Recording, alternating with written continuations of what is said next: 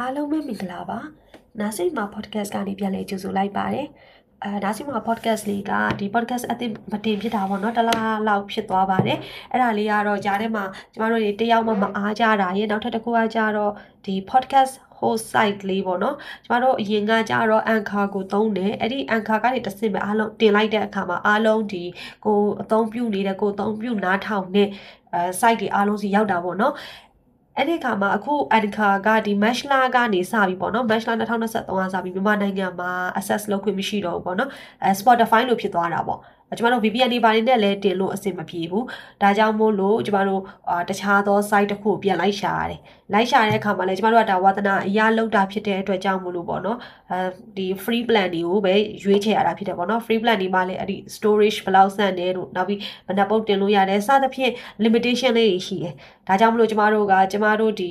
အတွက်ပေါ့နော်အဲ free plan မှာမှအဆင်ပြေဆုံးဟာလေးလိုက်ရွေးချယ်ပြီးတော့ပြန်လုပ်ဖို့စဉ်းစားရတာပေါ့နော်ဂျားထဲမှာတော့မစိတ်တက်နေနေကြသလိုမလုပ်ဖြစ်တော့ရင်ကောင်းမလားလို့တော့ပြန်ပြန်တွေးမိလာတဲ့အခြေအနေတွေရှိတယ်လို့ပေါ့မြန်မာနိုင်ငံမှာလုပ်ရတာပဲရမစိုးအခက်ခဲနေတော့လေဟိုဝါသနာရလုပ်တာဆိုတော့ကျမတို့တွေက budget site ထုတ်ပြီးလဲအဲဒါလုပ်ထားတာမဟုတ်တဲ့အတွက်ကြောင့်ပေါ့နော် free plan လေးနဲ့အသုံးပြုရတာဖြစ်ပါတယ်အဲဒါကြောင့်မလို့အခုလောလောဆယ်မှာတော့ကျမတို့အတွက်အဆင်ပြေတဲ့ platform လေးအဲတခုတွေးလိုက်တယ်လို့ထင်ပါတယ်ဒါကအဲ့ဒီ platform ပေါ်ကနေပြီးတော့ပေါ့နော်အဲပ ထမဦးဆုံးတင်တဲ့ podcast လေးလည်းဖြစ်ပါတယ်ပေါ့နော်အဲ့တော့ကျမတို့တွေဟိုတခြားပေါ့နော်အဲခေါင်းစဉ်လေးတွေမှာတော့ခေါင်းစဉ်လေးတွေကိုဒီတစ်ခေါက် podcast မှာမပြောတော့ဘဲနဲ့ audio book လေးတစ်ခုပေါ့နော်ဒီဝတ္ထုတော်လေးတစ်ပုဒ်ကိုကျမတို့ဖတ်ပြဖို့တွေးထားပါတယ်အဲ့ဒီပုံပြင်လေးဝတ္ထုတော်လေးပေါ့နော်အဲဖတ်ပြီးတဲ့အခါမှာလို့ဆိုလို့ရှိရင်လည်းတွေးစရာလေးတွေရလာမယ်လို့ထင်တယ်ပေါ့နော်ဒါကြောင့်မလို့အဲ့ဒီဥစ္စာလေးတစ်ခုကိုဝတ္ထုတော်လေးတစ်ပုဒ်ကိုဖတ်ပြချင်ပါတယ်နားဆင်ပေးကြပါအောင်နော် အဲ့တော့ကျမအခုဖတ်ပြမယ့်ဝတ္ထုတို့လေးကဆရာမင်းလူရဲ့ဝတ္ထုတို့ပေါင်းချုပ်ထဲကမှအဲတပုတ်ဖြစ်တဲ့ကြက်တံပုံမြင်းဆိုတဲ့ဝတ္ထုတို့လေးဖြစ်ပါတယ်အဲ့တော့စာပြီးဖတ်ပြပါမယ်နော်ဘတ်စကားစပယ်ယာကလက်ကြားထဲတွင်အလျားလိုက်ခောက်ပြီးညှက်ထားသောငွေဆက်ကူများထဲမှကြက်တံလေးရွက်ကိုဆွဲထုတ်ပြီးငါးကြက်တံပေးတာဘသူလဲဟုမိသည်ဒီမှာဒီမှာလူတွေကြားထဲကလက်တစ်ဖက်ရှို့ထွက်လာသည်စပယ်ယာကဖြန့်ထားသောလက်ထဲသို့ကြက်တံလေးထည့်ပေးသည် လက်ကိုဆုပ်ပြီးပြန်ရုပ်သွား၏ဘတ်စကားသည်တာမွေကြောက်မြောင်းမအူကုန်းသိမ့်ဖြူစသဖြင့်ကြော်ဖြတ်မောင်းနေလာသည်လမ်းတော့ဆန်မှတ်တိုင်မှာရက်သောအခါလူတော်တော်များများဆင်းသည်စရေးမလေးသည်ဘတ်စကားပေါ်မှဆင်းပြီးနောက်ခါးပေါ်ကိုတွန့်လိန်တက်နေသောအင်ကြီးအောင်နားစားကိုဆွဲဆန့်လိုက်သည်ထို့နောက်လမ်းကိုဖြတ်ကူးသည်ကန်းနာလမ်းပတ်မှလှည့်ပြီးရုံးအပေါ်ဓာတ်သို့တက်လာသည်အခန်းထဲဝင်သည်ဇပွဲပေါ်ချနှောင်းချကလထိုင်ဆွဲပြီးထိုင်သည်ထို့နောက်ချင်းတောင်းကိုပေါင်ပေါ်တင်လိုက်ပြန်သည် အလျားလိုက်ခောက်ပြီးထပ်ထားသောကြက်တန်လေးရက်ကိုလှနှိုက်ယူလိုက်သည်တရွက်စီဖြန့်ပြီးထပ်သည်တတိယမြောက်ကြက်တန်အလဲတွင်လက်ကတုံကနေဖြစ်သွားသည်ကြက်တန်အလဲတတဲကထပ်ပိုင်းဆုပ်ပြဲနေသည်ကိုစက်ကူဖြင့်ပြန်ကတ်ထားခြင်းဖြစ်သည်သူမျက်နာကနည်းနည်းအိုသွားသည်ပြီးတော့မှနှကန်းတောင်ဆုံးကလေးတွန့်ယုံပြုံးလိုက်၏ပတ်စံအေးဖွင့်၍ကြက်တန်အကောင်းဆုံးသုံးရွက်ကိုထည့်သည် ငါးကြက်တန်တစ်ရွက်ပြန်ထုတ်သည်စောစောကကြက်တန်အစုပ်ကိုပါယူပြီးခက်လန်းလန်းရှိစရေးကြီးစပွဲသို့သွားသည်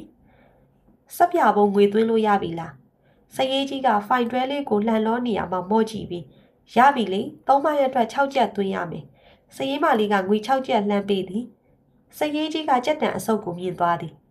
ဟာဗျာခမည်းတော်ကလည်းစုပ်ပြဲမှန်သမျှဒီမကြီးလာပေးတာပဲဟိုကြလို့ငွေသွင်းတဲ့အခါခဏခဏစကားများရတယ် ရပါတယ်ဟိုကလည်းဗန်သွင်းရမှာပဲဟာစရင်မလေးကပြောပြောဆိုလှည့်ထက်သွား၏ထိုအချိန်မှာပင်တတ်တာလက်ဖျေဆိုင်မှဇပွဲတို့ကလေးရောက်လာသည်အကိုရေအစိတ်ဖိုးလောက်လဲပေးပါအောင်ကြက်တန်ကြီးပဲရရင်ပိုကောင်းတယ်တိတ်ရတာပေါ့ကွာစရေးကြီးကကြက်တန်အရွက်အစိတ်ရေးတွက်ပြီးပေးလိုက်သည်ရုံးအုပ်ကြီးကကောင်တာပေါ်သို့ဆယ်ရန်တရွက်တင်လိုက်ပြီးလက်ဖက်ရည်နှစ်ခွက်ဟေဟုပြောလိုက်သည်ကောင်တာထိုင်သူကတုံကင်ပြားနှစ်ပြားအရင်ပေးလိုက်သည် ထို့နောက်အကျွေပြား20ကြက်တန်3ရွက်နှင့်5ကြက်တန်1ရွက်ပြန်အန်သည်ရုံးအုပ်ကြီးကပြန်အန်းငွေကိုယူ၍လက်ဖက်ရည်ဖြော်သည့်နေရာသို့ထွက်လာပြီးမှပြန်လှည့်၍ဟဲ့ကောင်ကြက်တန်တရက်ပြန်လဲပေးကွာအဆုတ်ကြီးကြက်တန်ကဒါပဲရှိလို့ပါခုနရုံးပေါ်ကသွားအန်းလာတာအစိတ်ဖိုးကဒါနောက်ဆုံးကြံတာပဲသုံးလို့ရပါတယ်ဆရာရဲ့ဟာရမယ်မထင်ဘူးကွာစုပ်တဲ့အပြင်နွမ်းလဲနွမ်းနေသေးတယ်လွယ်ပါတယ်ဆရာရဲ့နောက်နေ့လည်းလက်ဖေးတောင်းပါပဲအဲ့ဒီတော့မှပြန်ပေးပေါ့ ရတာပုံရတာမုံဆိုင်ရှေရှိ၃ဘိန်း၄ဘိန်းဂိတ်တွင်လူတွေပုံနေသည်မှောင်စားပြုလာသောအချိန်တွင်လူကပိုကျလာ၏ကားကအဝင်လဲနေသည်သုံးဘိန်းတစင်းဝင်လာသည်နောက်ပတ်မှတွေ့ပြီးလိုက်လာသောကောင်လေးကတာမွေတာမွေဟုအော်သည်လူတစုပြုံပြီးတိုးတက်သည်ရုံချုပ်ကြီးသည်အစွန်ဆုံးတနေရာကိုရလိုက်၏ကြောင်မြောင်းတီတာလမ်းထိပ်တွင်သူဆင်းသည်ကားမောင်းသမားကိုကြက်တန်တရွက်ပေးပြီးခြာကနေလှည့်ထောက်လိုက်၏ခတ်တုတ်တုတ်လျှောက်သွားသည် မိန်းကလေးကသုံးမိန်းကားကိုလှန်တာသည်ကားရက်ပေး၏မိန်းကလေးကမေးသည်စိတ်ကျွန်းစေးသွားခြင်းလို့ရပါတယ်ရှစ်ချက်တော့ပေးပေါ့ဟင်းများတာပေါ့တိတ်မှမဝေးတာငါးချက်ပဲကားဆရာကခေါင်းခပြီးငါးချက်တော့မရဘူးပို့ပြောတာမဟုတ်ပါဘူးတမနက်လုံးကားဖြစ်နေရလို့အုံနာအုံနာကတော့မရသေးပါဘူးဗျာနောက်ဆုံး6ချက်နဲ့ဈေးတည့်သွားသည်စိန်ကျွန်းဈေးတို့ရောက်အောင်7မိနစ်တောင်မမောင်းရဈေးရှိတွင်ကားရက်သည်မိန်းကလေးကငါးချက်တန်နှရွက်ပေးသည် ကားဆရာကချက်တန်မပါဘူးလားမိန်းကလေးကခေါင်းခပြသည်ကားဆရာသည်ငါးချက်တန်နှရွက်ယူပြီးချက်တန်လေးရွက်ပြန်အန်သည်မိန်းကလေးကချက်တန်လေးရွက်ကိုရေတွက်ကြည့်နေရမှဟင်းဟုအာမေရိတ်ပြုတ်လိုက်ပြီးဒီမှာဒီမှာဟိုးဟိုးဟုလှမ်းអော်သည်သုံးမိန်းကားကမောင်းထွက်သွားပြီဖြစ်သည်အလားကုံဆိုင်ရှင်အမျိုးသမီးကြီးသည်ဆိုင်ရှင်မှလာရသောမိန်းကလေးကိုဘာရှာတလဲညီမဟုစီးကြိုလိုက်သည်မိန်းကလေးကမြင့်စုကောင်းလျှော့ရည်ရှိလား ရှိတယ်ညီမဘလောက်လဲ၁၂ချက်ပါဟင်းဈေးကလည်းများလိုက်တာမများပါဘူးကွယ်ပစ္စည်းမှန်ဈေးမှန်ပါပဲအရင်တစ်ခါဝယ်တော့က6ချက်ပဲပေးရတယ်အခုမရတော့လို့ပါညီမရဲ့ကောက်တာတော့17ခွဲပေးရပါတယ်အမတို့ငါးမှုစားရတာပါ30အတိပဲထားလိုက်ပါမရလို့ပါခြားဆိုင်တွေလည်းမေးကြည့်ပါထားလိုက်ပါ30ပဲကဲ17နဲ့ယူသွားဟုတ်လားနောက်လဲဒီမှာဝယ်ပြီးအောင်ငါးမှုအရှုံးခံပြီးပေးလိုက်မယ် showcase ထဲမှာခေါင်းလျှော်ရည်တပလေးထုတ်ပေးသည်မိန်းကလေးကလှမ်းယူပြီးကြွကြွရီထဲသို့ထည့်လိုက်သည် ထို့နောက်ပတ်စံအိတ်ကလေးထဲမှာငါးချက်တန်တစ်ရွက်ကိုအရင်ထုတ်ပေးသည်ပြီးမှချက်တန်တစ်ရွက်ကိုခောက်လျက်သားပေးလိုက်၏မိမကြီးတယောက်ထမင်းကြိုက်ထည့်လာသောပလတ်စတစ်လက်ဆွဲခြင်းကိုကန်လျက်ထော်နေထော်နေရှောက်လာသည်ဆိုင်ရှိမှလာရက်သည်ဆွဲခြင်းကိုဆိုင်ပေါ်တင်ပြီးနှစ်ဖူးမှတီးနေသောချွေးသီးများကိုလက်ဖြင့်တက်ချသည်ဆိုင်ရှင်အမျိုးသမီးကနောက်ကျလှကြည်လားဟုပြောလိုက်သည်မိမကြီးကဟုတ်ကဲ့ဟုတ်ကဲ့ဟိုတင်းဖြစ်နေလို့ဘာလဲလမ်းလျှောက်လာရလို့လားအေးကားကလည်းချက်တာနဲ့ နောက်နေ့တော့စောစောလာပုံတော့ဟုတ်ကဲ့ဆိုင်ရှင်မျိုးသမီးက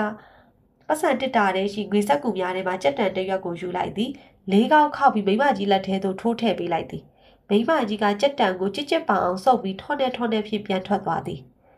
မိမကြီးသည်စိန်ကျွန်းဆေးမှမြေတီကုန်းအထိလမ်းလျှောက်ပြန်လာသည်လမ်းထိပ်ကိုရဆိုင်ကိုဝင်သည်ကြားပြန်မှ ကြားပြန်မကောက်ဆေးဘောလိတ်တလိတ်နှင့်မရိန်မရမ်းပြမရမ်းပြတထုတ်ယူသည်ကြက်တံကိုလှမ်းပေးလိုက်သည်ဆိုင်ကကောင်လေးကြက်တံကိုဖြန့်ကြည့်ပြီး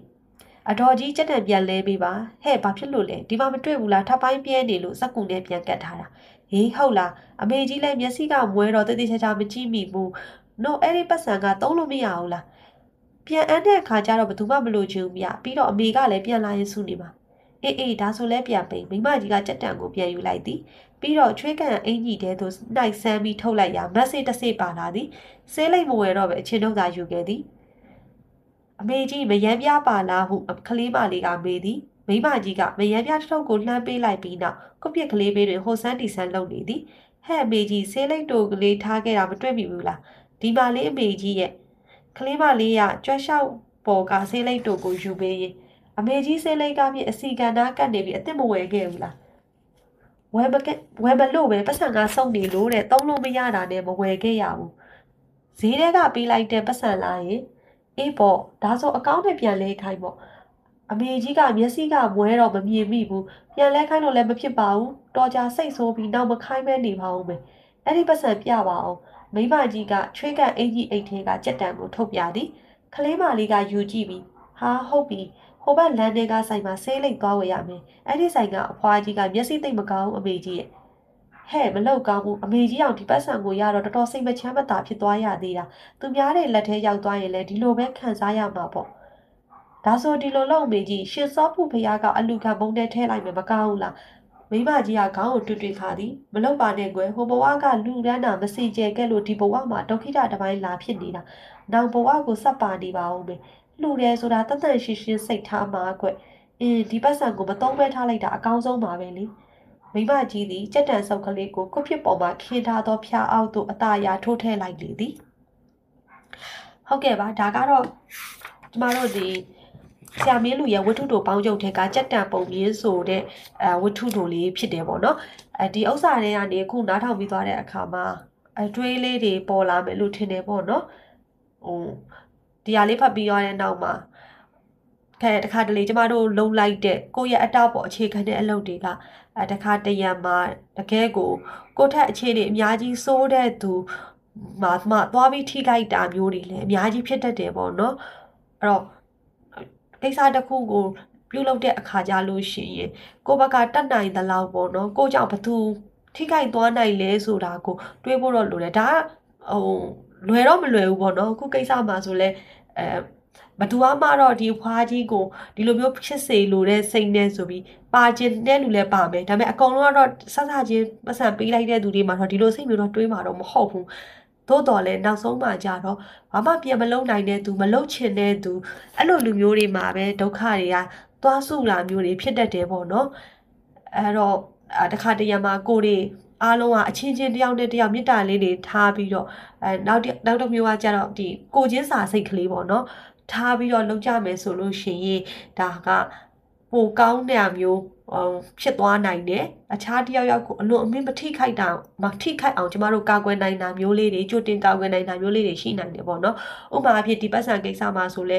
ဒါကျမတို့တွေနေ့စဉ်ကြုံတွေ့နေရတာပဲပေါ့နော်ခါလေးမှာကျမတို့အရင်တော့ဆိုပို့ပြီးတော့တောင်မှကျမတို့ကလေးဘွားဆိုဒီလိုပတ်စံအဆုတ်တွေဆိုခဏခဏမြင်ရတယ်ပေါ့နော်အဲကြရင်ဟိုဘယ်လိုလုပ်ကြလဲဆိုတော့တိတ်ကလေးနဲ့တတိချာချာပြန်ကက်ဟိုအဆုတ်ထဲမှာမှ တိတ်ကလေးနဲ့တတိချာချာပြန်ကတ်လိုက်လို့ရှိရင်ဘာပဲပြောသုံးလို့ရတဲ့အခြေအနေတစ်ခုထိဖြစ်သွားတာမျိုးလည်းရှိတာပေါ့ဒါပေမဲ့အဲ့လိုမျိုးကတိတ်မလုံးဖြစ်ကြပဲနဲ့ကိုရှိရောက်လာတဲ့ပတ်စံအဆုပ်ဆိုရင်ကိုလက်ထဲကလွတ်ပြီးရောဆိုပြီးတော့သူများပေးလိုက်တာမျိုးတွေလည်းဒါလှုပ်ဖူးကြလိမ့်မယ်လို့ထင်ပါတယ်ကလေးဘွားတော့ဆိုမတိလို့လှုပ်တာတွေရောတိလို့လှုပ်တာတွေရောကိုရှိမှလူကြီးတွေကိုယ်တိုင်လည်းလှုပ်နေကြတာတွေလည်းမြင်မှုကြလိမ့်မယ်ထင်ပါတယ်အဲဒါမျိုးလေးတွေပေါ့နော်ဒါကဥပမာလေးတစ်ခုပေါ့နောက်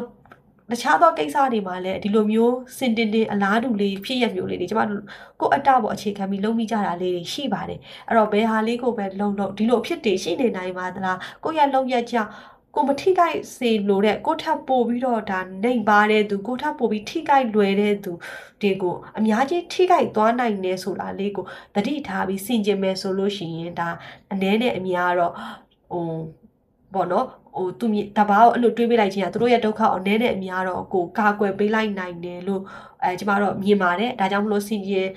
တခုခုလုပ်မယ်ဆိုရင်ပေါ့နော်ကိုယ့်ရဲ့စိတ်ကိုလည်းစင်ကြင်ပြီးတော့လုပ်ကြမယ်ဆိုလို့ရှိရင်တော့ပို့ပြီးကောင်းမလားဆိုတဲ့အတွေးလေးကျမတို့လည်းပေါ်လာတယ်နောက်ပြီးတခြားဒီထဲမှာတွေးစရာလေးလည်းအများကြီးရှိတယ်ပေါ့နော်ဟိုနာဖတ်ပြသွားတဲ့ထဲမှာကိုတွေးရင်တွေးသလိုကိုခံယူချက်နဲ့ကိုယ့်ရဲ့ဘဝ experience တွေနဲ့ အဲချိန်ထိုးပြီးတော့တချို့ဟာလေးလည်းစဉ်းစားလို့ရမယ်လို့ထင်ပါတယ်ဒါကြောင့်မလို့ဒီနေ့ podcast လေးမှာဒါလေးဝေမျှပေးသွားပါတယ်အဲနောက်ထပ် podcast တွေကြားလို့ရှိရင်တော့ကျမတို့ပုံမှန်ပြောနေကြအအကြောင်းအရာလေးတွေ random thoughts လေးတွေနောက်ပြီးဒီ mental health ဆိုင်တဲ့ဟာလေးတွေ general knowledge လေးတွေနဲ့အပြန်လည်ပြီးအဲစုံတွေးကြပါမယ်လို့ဘာပဲပြောပြောကျမတို့ podcast ကတလားတစ်ပုတ်လောက်ကလေးပဲဟိုလုံးဖြစ်နေတာပေါ့နော်အဲ့ဟာလေးကိုလည်းဆက်လက်ပြီးတော့စောင့်မျှော်နားဆင်ပေးကြဖို့လည်းအမြင့်တာရက်ခံပါတယ်အားလုံးကိုကျေးဇူးများကြီးတင်ပါတယ်ရှင်